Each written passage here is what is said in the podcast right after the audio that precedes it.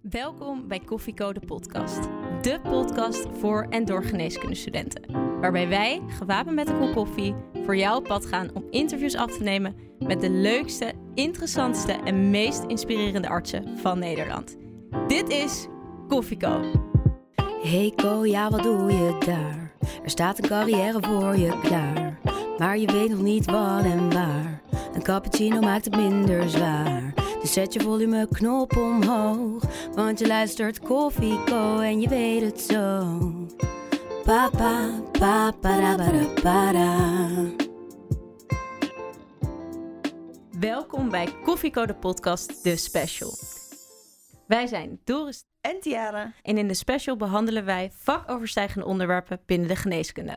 Vandaag gaan wij ons weer wagen aan een breed, maar onderbelicht onderwerp, namelijk vrouwelijke topdokters. Dit doen wij samen met professor Dr. Middeldorp, vasculair internist in het eh, Amsterdam UMC en locatie AMC. Nou, professor Middeldorp, welkom. U bent eh, natuurlijk op de koffie bij de Koffieco-dames, dus eh, hoe drinkt u hem? Cappuccino graag. Dat is alleen 's ochtends en 's avonds een espresso. Nou ja, die koffievraag, dat is eh, leuk. We starten er altijd mee. Maar eigenlijk wil ik de, het interview eh, aftrappen met een andere vraag. We gaan het hebben over vrouwelijke topdokters.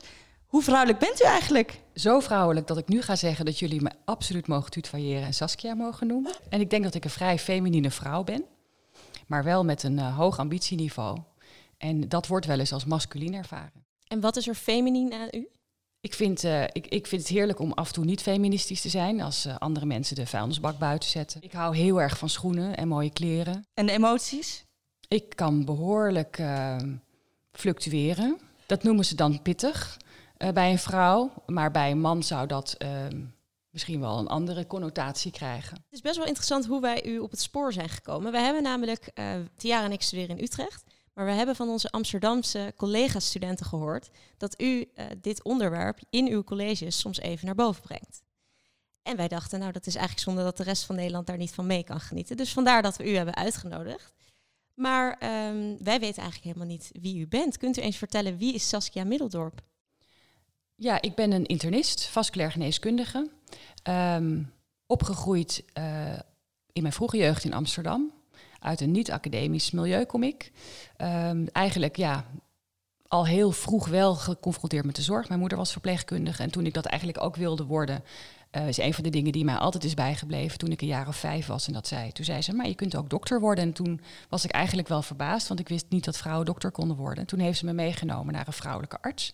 En zij weet het niet meer. Dat is het allergrappigste. Mijn moeder weet dat niet meer. Maar het is natuurlijk heel vormend geweest. Daarna wilde ik nog een tijdje stewardess worden, omdat ik de wereld wilde zien. Eh, maar op een gegeven moment ben ik dan toch echt heel nadrukkelijk gaan kiezen voor de geneeskunde. Maar nooit met het oogmerk om professor te worden. Maar wel om altijd met ambitie om een hele goede arts te worden. Ja, en wij, nou, wij zijn nu student.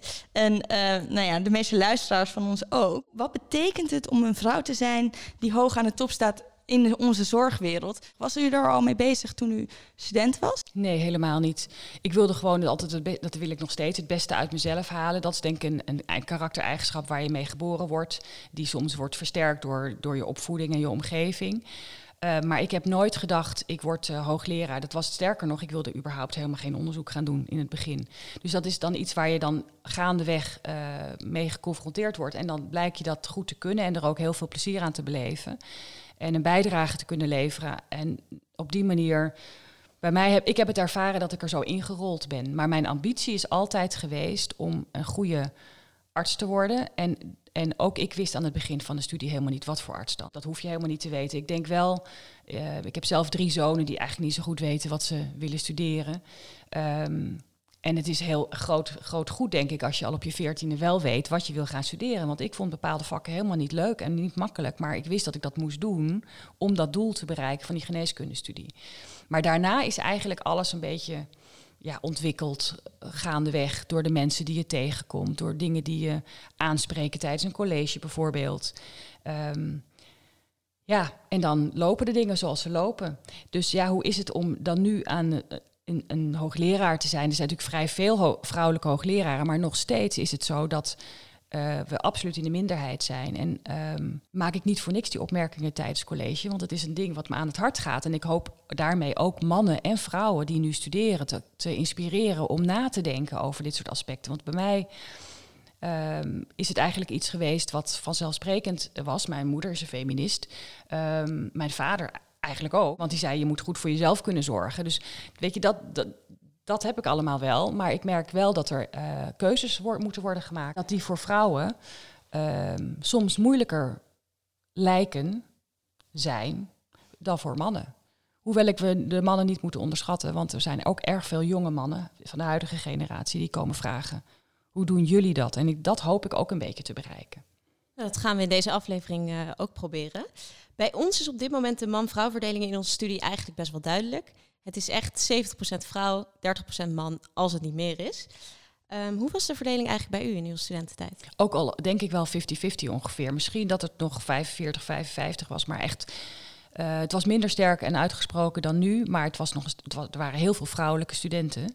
En, uh, maar ja, elke stap naar boven valt er een deel af en een flink deel ook. Um, en dat is echt iets wat ik mij uh, aantrek. Ik ben wel heel benieuwd, voordat we daar helemaal diep op ingaan. Ik wil meteen erin duiken. Maar één ding vraag ik me af, want wij lopen nu kooschappen. En als ik dan soms de, de spreekkamer inloop of uh, op de zaal inloop, dan spreken heel veel patiënten mij aan als zuster. Had je er ook last van toen je student was? Ja. ja. ja, en het is ook niet, het is in je nadeel bijna als je er vrouwelijk uitziet. Um, en als je er jong uitziet. Um, het is bijna, bijna fijner om dan wat rijper te worden, want dan gebeurt het toch minder. En het gebeurt nog steeds dat uh, bijvoorbeeld als ik zaalvisite loop met een jongere mannelijke artsassistent in opleiding, um, dat ze hem aanspreken als dokter en ik word niet meer als verpleegkundige aangesproken. Ik stel me ook voor als dokter die en die. Um, maar nee, er is absoluut nog steeds een voor, voor, vooroordeel. En, um, Wat vindt u daarvan? Nou, het is een feit. En uh, ik denk dat het een, uh, de kunst is om er op een charmante manier mee om te gaan. Want een patiënt is heel kwetsbaar. Dus die patiënt, die, die, zit er, die, die, die moet je natuurlijk niet uh, corrigeren. Oh, je moet er wel corrigeren, maar liefdevol, zeg ik altijd. Hè. Dus, maar je ziet het ongemak. Het ongemak ook bij zo'n artsassistent. En ja, je kunt natuurlijk, verpleegkundigen kunnen het heel goed. En die zeggen dan, het is de dokter hoor, weet je. En die kunnen dat met zo'n mooie glimlach. Um, maar het gebeurt nu wel minder. Maar ja, het, het is gewoon een feit in de samenleving. Ja, want ik vraag me nog wel af. Ik kom binnenlopen bij mij in de spreekkamer. Hoe, en ik zeg tegen uw zuster, wat, wat, hoe pak je dat op? Ik ben de dokter. Gewoon zo ja. en lachen. Ja. En, uh... en dan met een vriendelijke glimlach. Ja. Maar ik heb nog wel een anekdote hierover. Die is wel vanuit de oude doos, maar dat gebeurt nog steeds wel lang geleden, toen ik nog artsassistent was, werd ik gewoon één keer, drie keer op bij een event naar het partnerprogramma verwezen. Dat bestaat niet meer hoor, maar dat had je dan. Dan had je een, uh, een event en door de farmaceutische industrie meestal georganiseerd. En die hadden dan een partnerprogramma. En dan wilde ik naar de, het, het programma en dan werd ik tot drie keer. Nou, toen ben ik wel echt uit mijn vel gesprongen. Ja. Um, en um, het is nog steeds zo dat als ik soms op congressen kom en bijvoorbeeld als uh, uh, invited speaker, um, dat ze dan dat, dat men dan toch een beetje verbaasd doet. Of uh, dat, dat probeert ze natuurlijk snel te verbergen. Uh, het, het, gebeurt heel vaak ook niet hoor. En, en wat voel jij dan? Ik vind het gewoon wel een beetje stom natuurlijk. Ja, nog steeds. Ja, en er zijn ook nog steeds uh, panels, hè, all-male panels. Die zijn er ook nog steeds. En uh, dat is wel iets waar ik me echt druk over maak. En waar ik me echt voor inzet. En als ik dan zie dat ik de enige invited speaker ben die een vrouw is of het zijn allemaal witte mannen van uh, 60. Ja, dan ga ik daar gewoon wat van zeggen. Ja? En dan zeg, ja, dan zeg ik tegen de. Want kijk, als ik dan, dan kan ik twee dingen doen. Dan kan ik zeggen, ik kom niet. Dat zou je misschien kunnen doen. Daar wordt het niet beter van. Of je zegt, zet mij in de executive, want dan kan ik helpen. Want er wordt dan gezegd, ja, vrouwen die gaan acht keer nee zeggen. Ik heb acht vrouwen uitgenodigd, maar zeven zeiden nee. Ik zeg, nou, dan moet je mij in je executive zetten, want dan ga ik die vrouwen bellen. We hebben een gemeenschappelijke verantwoordelijkheid. Wat moet er gebeuren om jou wel te laten komen? Um, dus er zijn ook verschillende reactiepatronen van vrouwen. En als je dat, uh, dat zie ik nu veel beter dan 10 jaar, 15 jaar geleden. Heel eerlijk zeggen, uh, wij hebben bij deze podcast natuurlijk ook altijd een selectie van welke artsen nodigen uit. En wij merken dus ook dat vrouwen vaker nee zeggen. Wat zegt u dan tegen die vrouwen om ze wel te overtuigen? dat, ze, dat ik vind dat ze er mede verantwoordelijk voor, voor zijn.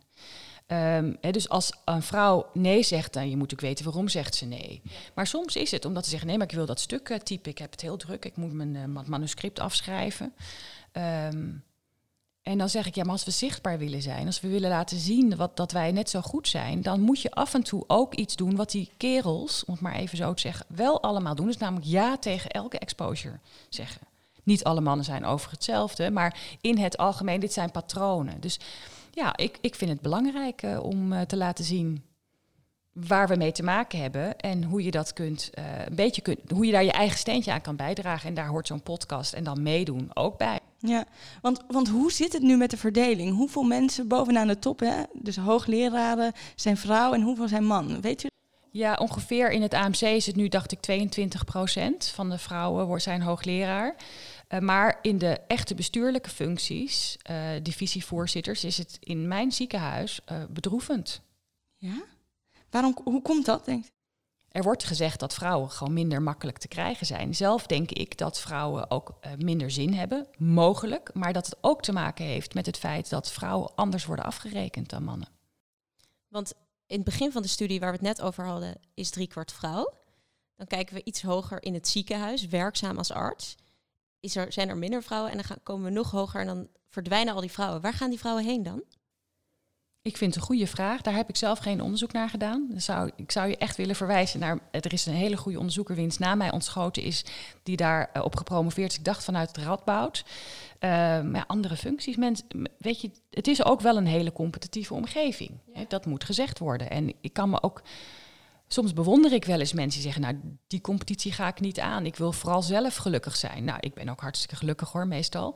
Maar um, ik, dus daar ik denk alleen dat je die cultuur wel kunt veranderen, maar dat je daar meer uh, massa voor nodig hebt. En zolang die cultuur niet verandert, je, zal er een enorme lekkende pijplijn zijn. Ja. Kan het er ook uh, mee te maken hebben? Ja, het is meer dan logisch. Vrouwen hebben natuurlijk niet alleen hun baan. Die hebben ook nog een andere taak, namelijk de schone taak om ook uh, kinderen op de wereld te zetten. denk je dat het er ook mee te maken heeft dat ze, dat ze eigenlijk drukker hebben dan mannen vanwege de kinderen en het gezinsleven? Nou, er is heel veel onderzoek naar gedaan uh, en dat blijkt zo te zijn. En daar verzet ik mij zeer tegen. Dat is een feit, hè? Dus, dus dat is een patroon. Maar ik hoop eigenlijk bij jullie en, en de luisteraars te inspireren dat dat een idiootse toestand is. Aangezien um, je met, je met je partner zul je het gewoon moeten rooien. En die partner moet zich net zo verantwoordelijk voelen. En als jij je als vrouw verantwoordelijker voelt voor het huishouden of de kinderen of de weet ik veel, dan je partner, ja, dan ben je wel, daar ben je wel zelf bij. Um, maar ik denk, ik heb in ieder geval zelf heel nadrukkelijk mijn partnerkeuze uh, laten bepalen door of we hier samen uitkwamen. Ja, maar feit blijft, Jij bent degene die de baby draagt. Ja, maar weet je, met alle respect, dat is een paar maanden van je leven. Hè? Ja. En dan, dus, dus dat is een jaar per kind. Ja, dan moet je natuurlijk geluk hebben. Dat is allemaal waar. Je moet gezond blijven, al die dingen. Maar dat is echt maar een paar, een heel kort deel van je carrière. Dus je zegt eigenlijk, maak je daar geen zorgen om? Maak je absoluut geen zorgen. Het komt nooit uit. um, en het is echt wel, weet je, het zijn tropenjaren, maar dat, dat, die, die tropenlasten uh, moet je wel samen delen. En dat, dat, zo heb ik het in ieder geval ervaren en, en, is het ook gelukt. En dat heeft ook wel eens wat pittige discussies opgeleverd over wel of niet allebei een dagje minder gaan werken een tijd. Um, of ja, als je eigenlijk denkt, ik wil liever die vijfde dag ook maar werken, want ik vind het best zwaar met drie kleine kinderen thuis. Hè. Dit is een uh, persoonlijke anekdote toen zei ik, ja, maar schat, als jij dat doet, dat wil ik eigenlijk ook. En dan, uh, want ik weet al wat er gebeurt op mijn vrije dag. Dan moet ik ook de boodschappen en ook de loodgieter en ook de. Dus dat, uh, dus of allebei, of allebei niet. Een hele eerlijke verdeling. Uh, en dat is natuurlijk de thuissituatie. Maar hoe zit het op het werk? Hoe kun je het best aangeven of plannen wanneer je zwanger wordt? Nou, je kunt sowieso zwangerschap maar gedeeltelijk plannen. Ja. dus, daar doe ik ook hè, met mijn onderzoek ben ik veel met zwangeren bezig en de vanzelfsprekendheid waarmee we nu doen alsof je dat allemaal in de hand hebt, daar moeten we denk ik ook voorzichtig mee zijn. Um, maar ja, uiteindelijk komt het gewoon nooit uit. Uh, dus ik zeg, volg je, volg je gevoel. Is er een taboe op uh, zwanger zijn of zwanger worden als je bijvoorbeeld als AIOS in opleiding nee, wil komen? Wel nee. nee. nee. Nou, kijk, ik denk wel bij mensen zelf dat je dat intrinsiek wel voelt. Wat van, dat het, omdat het nooit uitkomt en dat je je collega's belast. Maar zeker bij de interne geneeskunde ja, is er, is er, zijn er altijd bergen vrouwen nu zwanger. Maar in, in, in mijn tijd, het, en mijn oudste is nu 21, hebben wij in de ouders van nu gestaan met vijf collega's. Omdat dat zo bijzonder was dat er vijf AJOS-interne tegelijk zwanger waren op één afdeling. De ouders van nu, voor de mensen die het niet weten, is een blaadje wat, in, wat je kunt kopen voor ouders van nu uh, en van toen. Um, maar goed, dat, dat was dan, dan vonden wij natuurlijk heel leuk voor en na. Maar nu zou dat echt helemaal niet interessant zijn, zou ik denken, omdat er altijd een heleboel zwangere AJOS zijn. Maar je, je hoort wel eens dat opleiders, als ze een keuze moeten maken tussen een, een jonge vrouw die waarschijnlijk in de komende 1, 2 jaar zwanger wordt, en een jonge man die dat niet wordt, dat ze dan wel kiezen voor de man, omdat ze dan weten dat er geen uitval zal zijn. Heb je dat ook zo bij jou in het ziekenhuis? Ik, dat, niet dat ik weet. Nee. we hebben ook een vrouwelijke opleider. Dat helpt misschien oh, ook. Ik denk wel, en dat heeft met jullie uh, huidige geslachtsverdeling te maken, uh, dat um, mannen in het voordeel zijn in sommige beroepsgroepen nu, omdat je eigenlijk altijd diversiteit wil. Je wil een divers samengesteld team. En daar zijn mannen en vrouwen allebei heel belangrijk in. En er, ja, dat is ook zo. Er zijn meer vrouwen, dus mannen die hebben meer kans. Dat wordt ook heel vaak gezegd. Um, om dit hele zwangerschap onderwerp nog even af te sluiten. Hoe zit dat dan met borstvoeding geven? Is daar ruimte voor? Je hebt een volle wachtkamer. Ja, daar is wel ruimte voor. Er wordt wel echt laat ik het zo zeggen. Ik kan spreken voor de AIOS interne in het ziekenhuis waar ik werk. Um, en dat kan. Daar, wordt, zijn allemaal, dat was ook zelfs in mijn tijd al best goed geregeld. Alleen, uh, ja, je kan jezelf bezwaard voelen. En daar hoop je dan dat je um, mensen om je heen hebt die dat, uh, die dat allemaal ook zeg maar stimuleren. Dat je dat van dat schuldgevoel afkomt. Want ik denk dat dat is intrinsiek iets hè, waar, waar, je mee te maken hebt. Je wil allemaal keihard werken en je vindt dat je je collega's niet moet belasten um, met jouw uh, pauzetje. Maar met, ik kan uit ervaring spreken. Overigens kwam ik was bij de derde daarachter. Maar uh, in het AMC kan je gewoon op de, op de afdeling verloskunde... kon je daar naartoe en daar stond ontzettend professionele apparatuur. Was het echt in tien minuutjes klaar. dus uh, goed. Het, was niet zo ingewikkeld. En je zou bijna denken, nou, vrouwen moeten harder werken dan mannen om te compenseren voor dat borstvoeden. Dus een stelling. Bent u het daarmee eens of niet? Nee. Nee? Want zo lijkt het, hè? Je moet en borstvoeding geven. Nou, maar je, als je bijvoorbeeld op de polykliniek zit, dan kun je gewoon op dat moment zeggen: Ik doe één patiënt, ik heb een pauze voor één patiënt minder, weet je. Ik, ik geloof niet dat jullie dat als een enorme barrière zouden moeten zien. Dat, dat de tijden veranderen en zijn al heel erg veranderd in de afgelopen twintig jaar. Um, en, doordat er, dat, en dat is het toch de kracht van de massa. Als er gewoon iedereen de hele tijd zwanger is, um, ja, dan moeten er gewoon oplossingen voor gevonden worden. U vertelde eigenlijk dat u als student er nog helemaal niet mee bezig was. Van ik ben ik vrouw en hoe kan dat ooit in mijn nadeel werken, ja of nee? Um, wanneer kwam het moment dat u dat wel besefte? Eigenlijk uh, bij, op het moment dat je echt een leidinggevende positie hebt, waarbij um, je merkt dat er naar je wordt gekeken over je stijl van leidinggeven bijvoorbeeld. Waarvan ik toen dacht ik wel van ja jongens, als ik een vent was geweest, dan hadden ze me een krachtige leider gevonden. En nu wordt het me kwalijk genomen. Wat deed u dan dat u kwalijk werd genomen? Nou, ik vond dat ik gewoon duidelijke leiding gaf af en toe als er dingen. Hè, soms moet je dingen besluiten in bepaalde posities. Um, en dat is me niet altijd in dank afgenomen. En dat is binnen een hele masculine cultuur. Zo heb ik het toen voor het, eigenlijk voor het eerst ervaren. Um, en dat, toen was ik dus eigenlijk al lang hoogleraar en had ik al uh, eh, 15 of 20 promovendi laten promoveren zonder ooit daartegen aan te lopen. Maar wel echt uiteindelijk in de, in de structuur van de leiding, van de lijnen, ja, heb, heeft mij dat wel uh, het een en ander gekost. En inzicht ook verschaft, hè? want je moet het uiteindelijk, zo zit ik dan in elkaar, kun je ook het dan wel weer gebruiken om zelf weer verder te groeien en inzicht te krijgen. Um, en dus nog een tikje feministischer uh, uit de bocht te komen. En, en wat zegt u dan bijvoorbeeld tegen uw AJOS om hoe daarmee om te gaan in de toekomst? Wat leert u hen? Nou, wat ik uh, heel erg probeer te doen, sowieso, los van geslacht of, of, of hoe je eruit ziet, is talent te spotten. Hè. Te zorgen dat, die, dat uh, mensen de kans krijgen om het beste uit hunzelf te halen, maar daarmee ook bij te dragen aan onderzoek, aan goede dokters worden, et cetera. Dus talent spotten. En, en um, dat doe ik bij mannen en bij vrouwen. Maar ik heb wel gemerkt dat vrouwen vaker onzeker zijn. Uh, en dat.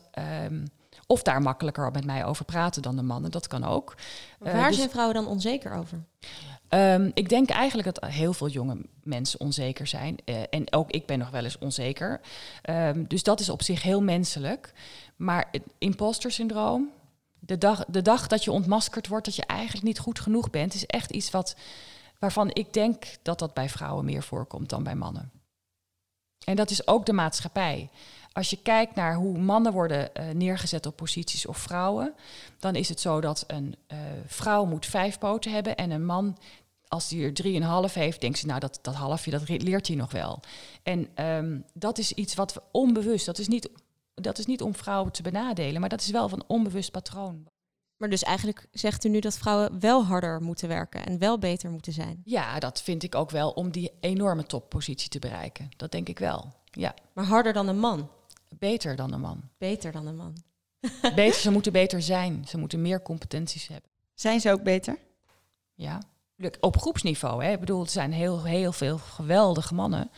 Maar ik denk dat vrouwen wel, dat het lastiger voor hen is om um, uiteindelijk te laten zien wie ze zijn en gezien te worden. En wordt dat eigenlijk ook um, beloond in bijvoorbeeld het inkomen wat de vrouw verdient versus de man? Nou, we hebben natuurlijk allemaal een CAO. Dus ik zeg tegen alle dames en heren, zorg ervoor dat je goed kijkt waar je mee start. Daar zit natuurlijk in de CAO zit niet zo heel veel ruimte, maar er zit wel wat ruimte. En dat, dat telt door de rest van je carrière. Bij elke stap. Dus ik heb wel eens om een salarisverhoging gevraagd tussendoor. Um, ja, dat vinden ze dan een beetje gek, maar het is helemaal niet gek. Maar verdienen vrouwen minder dan mannen? Wat ze krijgen of wat ze verdienen? wat ze krijgen. ik denk dat het in de academie uh, uh, wel meevalt, hoewel ik nooit. Die onderzoeken zijn er dat ze echt minder verdienen, zeker. Uh, maar of dat in de academie ook zo is, dat durf ik niet te zeggen. We hebben een CAO. We hadden het net even over dat vrouwen ook wel in dingen veel beter kunnen zijn dan mannen. Wat zijn nou gegeneraliseerd gesproken dingen waar vrouwen echt beter in zijn? Ja, ik denk dat je moet spreken over feminien en masculien. En er zijn dus mannen met feminine eigenschappen, die wat meer dan anderen en, en omgekeerd. Uh, maar ik denk dat, dat typische feminine eigenschappen zijn toch wel het zoeken van verbinding en harmonie. Maar nogmaals, er zijn heel veel mannen die die eigenschappen ook hebben. Maar in het algemeen worden dat als feminine eigenschappen beschouwd. En masculine eigenschappen, dat zou dan meer competitie zijn. En, en ja, als je dat dan als, als feminien uitziende vrouw hebt, dan wordt dat niet altijd als plezierig ervaren. Want wat maakt het uiterlijk dan uit? Ik denk dat, dat mensen daarvan in de war raken. Dus als ze, als, dat ze van een man die een keer met zijn vuist op tafel slaat, denken ze wat een krachtige man. En bij een vrouw denken ze wat een hysterische vrouw. Ja? Is dat zo? Daar is best wel onderzoek naar gedaan. Maar daarom, jongens, ik ga het tegen iedereen zeggen. Onze unconscious bias is ongelooflijk groot. Die heb ik ook nog steeds, zelf ook. Het gaat niet in dit geval niet eens alleen over mannen en vrouwen. Het gaat gewoon over waar mensen vandaan komen, hoe ze gekleed zijn, of ze wit, zwart of Aziatisch zijn. Of ik, ik ben nu vast een heleboel diversiteiten vergeten. Maar het, je hebt allemaal biases. En als gedrag niet past in wat jij onbewust uh, vindt horen bij, dat, de, bij die uitstraling, dan wordt dat, wordt dat um, wordt het ingewikkeld. En vinden mensen dat niet altijd prettig. En dat roept allerlei reacties op. En dat heb ik pas heel laat geleerd. Uh, in van die van, ja, goede, goede leergangen over dat soort zaken. En ik had gewild, er zijn leiderschapscursussen op allerlei niveaus, dat ik daar wat meer tijd aan had besteed toen ik jonger was. Maar toen had ik daar voor mijn gevoel helemaal geen tijd voor. Maar het is wel heel belangrijk. Het had mij kunnen behoeden voor een aantal, um, aantal dingen. Voor wat dan? Nou, bijvoorbeeld dat in die leidinggevende positie, als ik zelf me bewuster was geweest wat de impact van mijn gedrag was, dan denk ik dat ik daar beter op had kunnen anticiperen. Want die bias waar, waar je het over hebt, dat is eigenlijk niet alleen in de zorg zo, dat is in elke sector zo. Um, wij hebben ons natuurlijk een beetje ingelezen voor dit interview en wij lazen dus dat in de zorg um, dat, veel meer, dat het eigenlijk de verdeling vrouw-man veel beter is. Dus dat veel meer vrouwen aan de top zijn in de zorg dan in andere sectoren. Uh, hoe kunt u dat verklaren? Maar ik vind het ook helemaal onzin. Ik vind het totale onzin. Ik weet niet, misschien heb je het ergens gelezen. Dan wil ik het heel graag na yeah. lezen. Maar als ik kijk naar uh, de medisch specialisten, is dat niet het geval. Nee. Ga even kijken in de academische ziekenhuizen hoeveel vrouwelijke voorzitters van de raad van bestuur er zijn.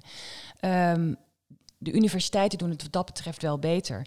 Als je kijkt naar bijvoorbeeld verpleegkundige besturen, dan uh, zijn er vaak vrouwen. Het zou toch heel erg zijn als die paar mannen dan allemaal aan de top zouden zitten. Dus ik, ik weet niet helemaal. Dus misschien op hoogleraarsniveau 22 procent is ook niet genoeg. Hè? Ik wil eigenlijk nog even terug naar iets wat ik heel interessant vond wat u net zei. Dat was namelijk dat als u hier vroeger meer mee bezig zou zijn geweest, had u zich misschien anders kunnen gedragen tijdens een bepaald incident dat u met een vuist op tafel sloeg, zoiets. Maar moeten wij ons dan aanpassen? Wat moeten wij dan aanpassen? Ja, vind ik een hele terechte vraag. Ik denk juist dat, kijk, ik, ben een, ik heb vrij veel masculine eigenschappen en daarom red ik het. Maar dat betekent dat die cultuur ook in stand wordt gehouden. En, um, en als ik naar mezelf kijk, dan, dan wij hebben vrij weinig vrouwen in onze kleine mini-staf. Um, en um, maar ook ik heb wel eens streng gedacht over een vrouw. Dan dacht ik, dan dacht ik toch dingen die, waarvan ik dacht, dat zou ik over een man niet denken. Dus zijn het dan de feminine eigenschappen die worden afgestraft? Zo van, uh, nou kom op, uh, man up. Recht voor zijn raap. Ja, ja, ik denk dat dat het is. Of um, toch een beetje Queen Bee-achtig. Dan ga ik wel echt, uh, echt even wat laten zien. Maar het Queen Bee-gedrag is dat je als, als je de enige vrouw bent... het eigenlijk niet zo heel leuk vindt als er andere strenge vrouwen... of een goede vrouw, moet ik zeggen, bij je in de buurt komen. Ik heb juist heel erg verlangd naar vrouwen... maar tegelijkertijd vond ik het ook wel weer een soort van stoer... om alleen maar in die mannenwereld te blijven zitten. Dus het heeft iets heel dubbels. Haalt een feminine vrouw het naar de top? Jazeker. Ik denk dat het wel, dat het wel kan, maar dat, je dat het helpt als je je bewust bent. En dat je bijvoorbeeld die feminine eigenschappen ook wat krachtiger in kunt zetten. Maar ik zal bijvoorbeeld een voorbeeld geven. Um, als je in een vergadering zit, het gaat in coronatijd overigens veel beter, maar dan is het heel vaak zo dat alle mensen om de tafel nog toch nog even iets willen zeggen. En er is ander gedrag in het algemeen tussen mannen en vrouwen. Um, en als je dat weet, dan kun je ook denken, weet je, laat die, ik heb het eigenlijk verzonnen. Maar als hij er nou zo ontzettend gelukkig van wordt dat hij denkt dat hij het heeft verzonnen en ik vind het doel belangrijk, dan ga ik dat deze keer even laten gebeuren. Nou, dat is iets wat ik heb geleerd. Ja. Mannen hebben dat gevoel iets meer nodig. Dat zij het ermee zijn. Maar ik ben een masculine vrouw, dus ik vind het ook een heel lekker gevoel. Dus ik heb besloten mijzelf daarin aan te passen. En nog even door op dat feminisme. Als vrouw heb je dus in tegenstelling tot, als, tot man, denk ik, meer te maken ook met seksuele intimidatie. Ik ben heel benieuwd. Is dat ook iets waar u tegenaan bent gelopen tijdens uw opleiding of tijdens de studie al? Ik niet, denk ik. Maar ik hoor natuurlijk en zie wel dingen. En uh, ik denk dat sowieso gelukkig nu er veel minder tolerantie is. Maar ik weet dat het iedereen nog steeds kan overkomen. Um, dus ja, ik heb zeker dat soort dingen meegemaakt. Maar um, ik heb altijd mijn mannetje gestaan. En wat voor dingen? Kunt u daar iets... Ja hoor. Um, ik, nou, ik heb een vriendin die bijvoorbeeld uh, uh, in de, als co-assistent uh, werd verleid. dat heeft ze niet op ingegaan hoor. Maar om een, een, te gaan zoenen met een AJOS tijdens de nachtdienst. Dat soort idiote dingen.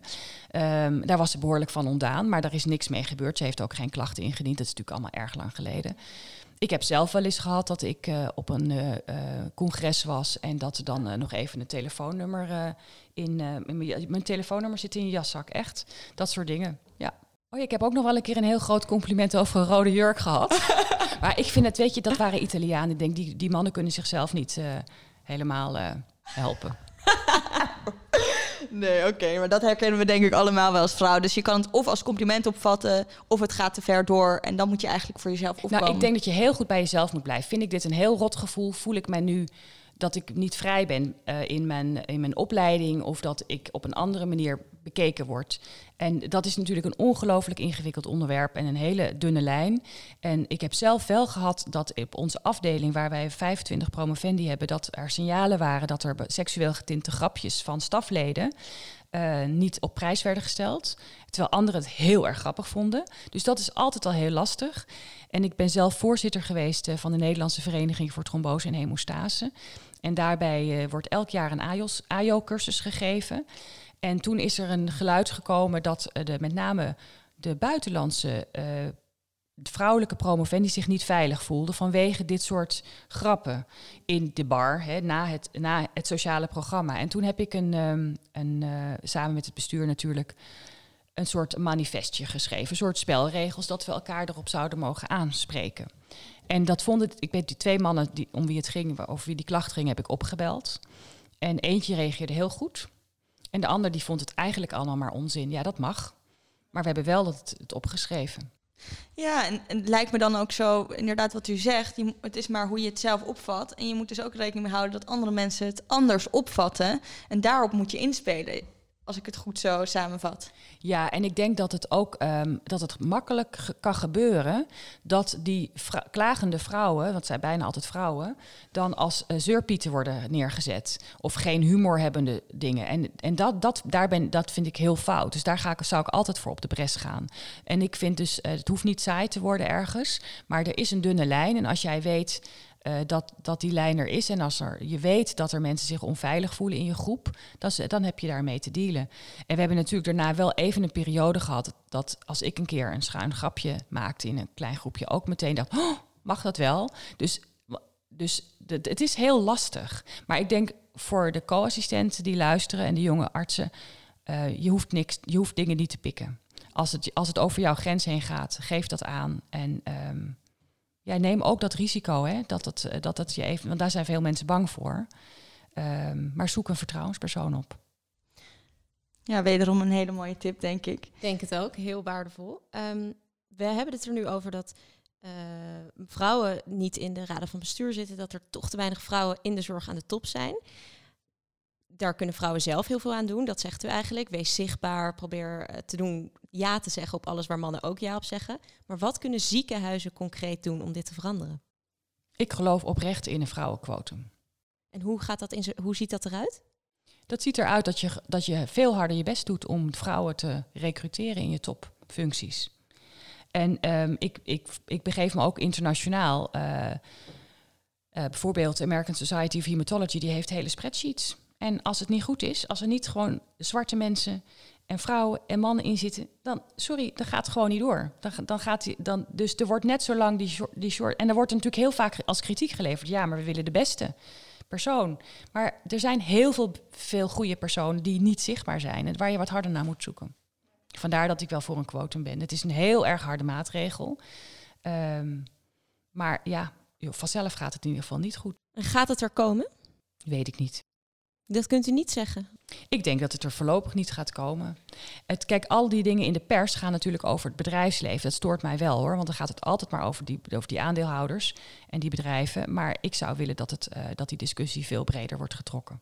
Dan moet u eigenlijk uh, zichtbaar zijn aan tafel bij een, uh, bij een echt praatprogramma. Dat is altijd leuk, maar ik ben nog nooit uitgenodigd. We gaan ervoor zorgen. En aan ons ook denk ik dus gewoon een taak om hier ook onze bijdrage aan te doen. Ik denk dat we hier echt, uh, ja, ik, heb nog, ik zit vol met, vragen, maar uh, we moeten door naar een ander onderwerp. En nou, een ander onderwerp, we gaan het nog steeds hebben over vrouwen, maar vrouwen als patiënt. En, en nu weten we dat u zich daar ook uh, hard voor maakt. En kunt u vertellen, want nou, wij hebben natuurlijk onderzoek gedaan, wat uw rol is met vrouwen als patiënt en hoe u zich daar hard voor maakt? Ja, ik, dat, dat zijn van die dingen, die, daar rol je dan in. Maar een van de dingen, ik, ik doe tromboseonderzoek. Um, en een van de dingen die mij in hoge mate stoorde, was dat we eigenlijk helemaal niet goed wisten hoe we bijvoorbeeld trombose en vooral een uh, recidieftrombose tijdens de zwangerschappen zouden moeten voorkomen. Um, omdat zwangeren heel vaak uit allerlei onderzoek worden gelaten. Want het wordt als een hoog risicopopulatie gezien. Of uh, die, kunnen, die vrouwen kunnen we niet belasten. Allemaal paternalistische gedachten. Farmaceutische industrie die heel vaak medicatieonderzoek doet in eerste instantie en dat er daar onmisbaar voor is. Um, die vinden het een liability, hè, dus een risico. Nou, zo dus eigenlijk. Dus zo ben ik in dat onderwerp gerold. Um, en we doen nu net alsof ik alleen uh, uh, zwangeren bijvoorbeeld doe. Maar ik hou eigenlijk heel erg van kwetsbare en kleinere populaties. Dus bijzonder, ik, we noemen het special populations in tromboseonderzoek. En toevallig zijn dat vaak bij mij zwangeren. Um, maar het kan ook gaan over kankerpatiënten die normaal niet in trials zitten. Of mensen met een short bowel syndroom en totale parenterale voeding die normaal niet in trials zitten. En da dat vind ik uh, interessant. En daar hebben we de academie ook keihard voor nodig. Dus daar maak ik me hard voor. Ja, en die zwangere vrouwen, het blijft gewoon enorm erg, vind ik, dat als jij ooit trombose of longembolie hebt gehad en je, je zit al in die van ga ik, durf ik wel of niet de zwangerschap aan, dat wij zeggen ja, maar je moet tien maanden prikken, maar we weten eigenlijk niet wat de beste dosis is. Dat, dat, dat kan ik niet verdragen. En dan, nou, dan is er maar één manier om die verantwoordelijkheid te nemen. Te zeggen, dan gaan we het doen, gaan we daar geld voor zoeken. Gaan we het ook zonder geld vast beginnen.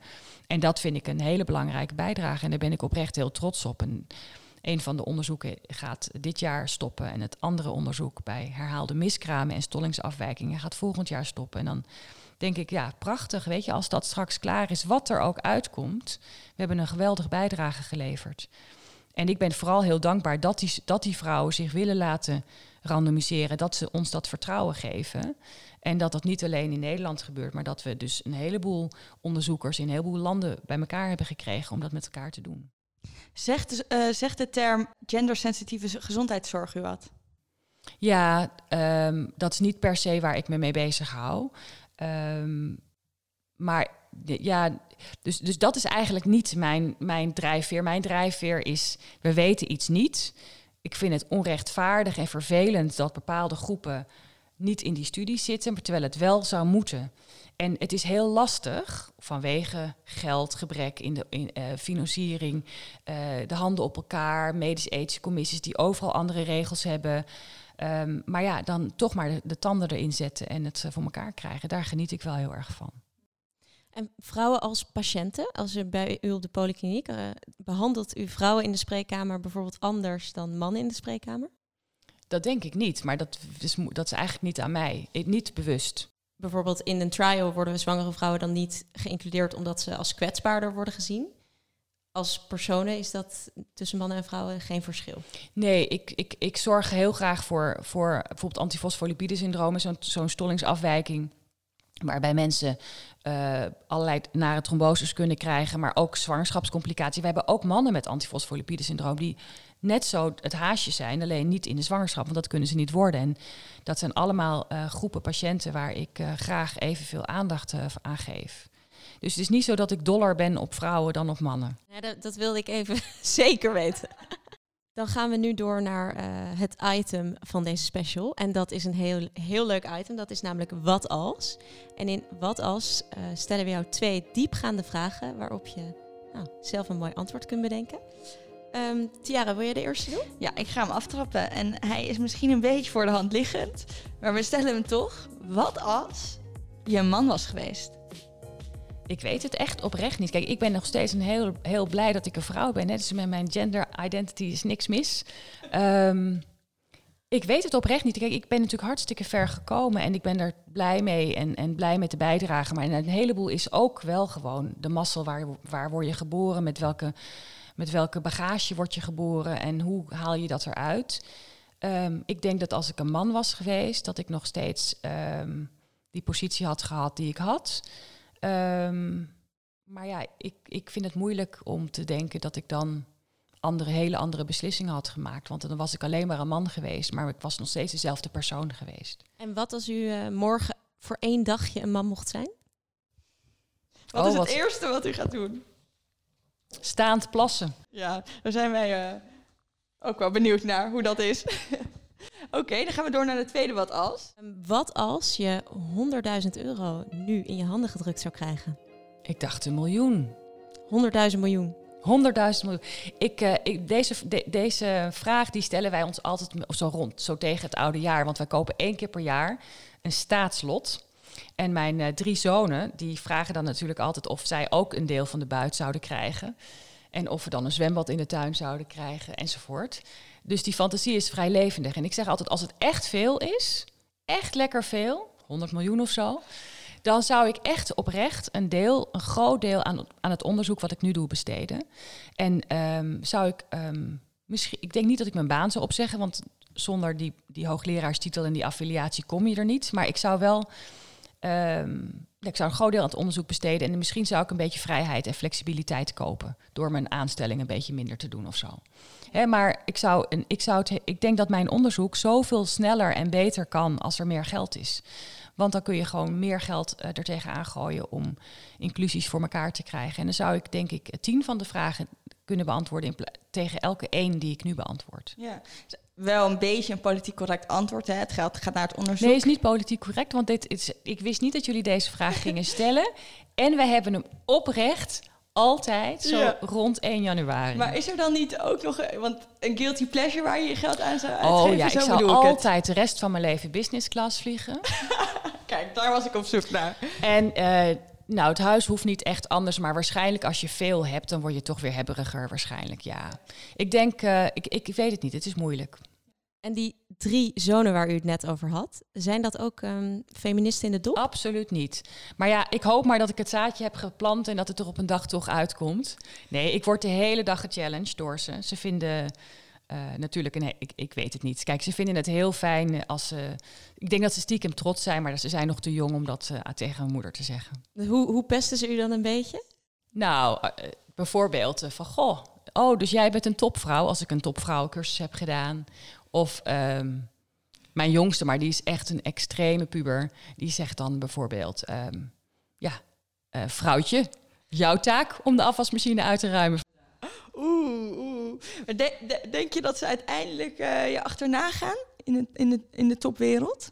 Ik heb geen idee. Ik denk eh, dat ze, ze moeten vooral, ze gaan allemaal geen geneeskunde studeren. Dat vind ik, eh, dat vind ik, vind ik jammer, maar meer omdat ik denk, we hebben ze toch wel goed voorgeleefd. Maar ja, het zijn gewoon allemaal lekkere jongens, dus die komen er wel. En ik ben wel heel benieuwd waar ze terechtkomen eh, en met welk ambitieniveau. Maar uiteindelijk is het echt waar.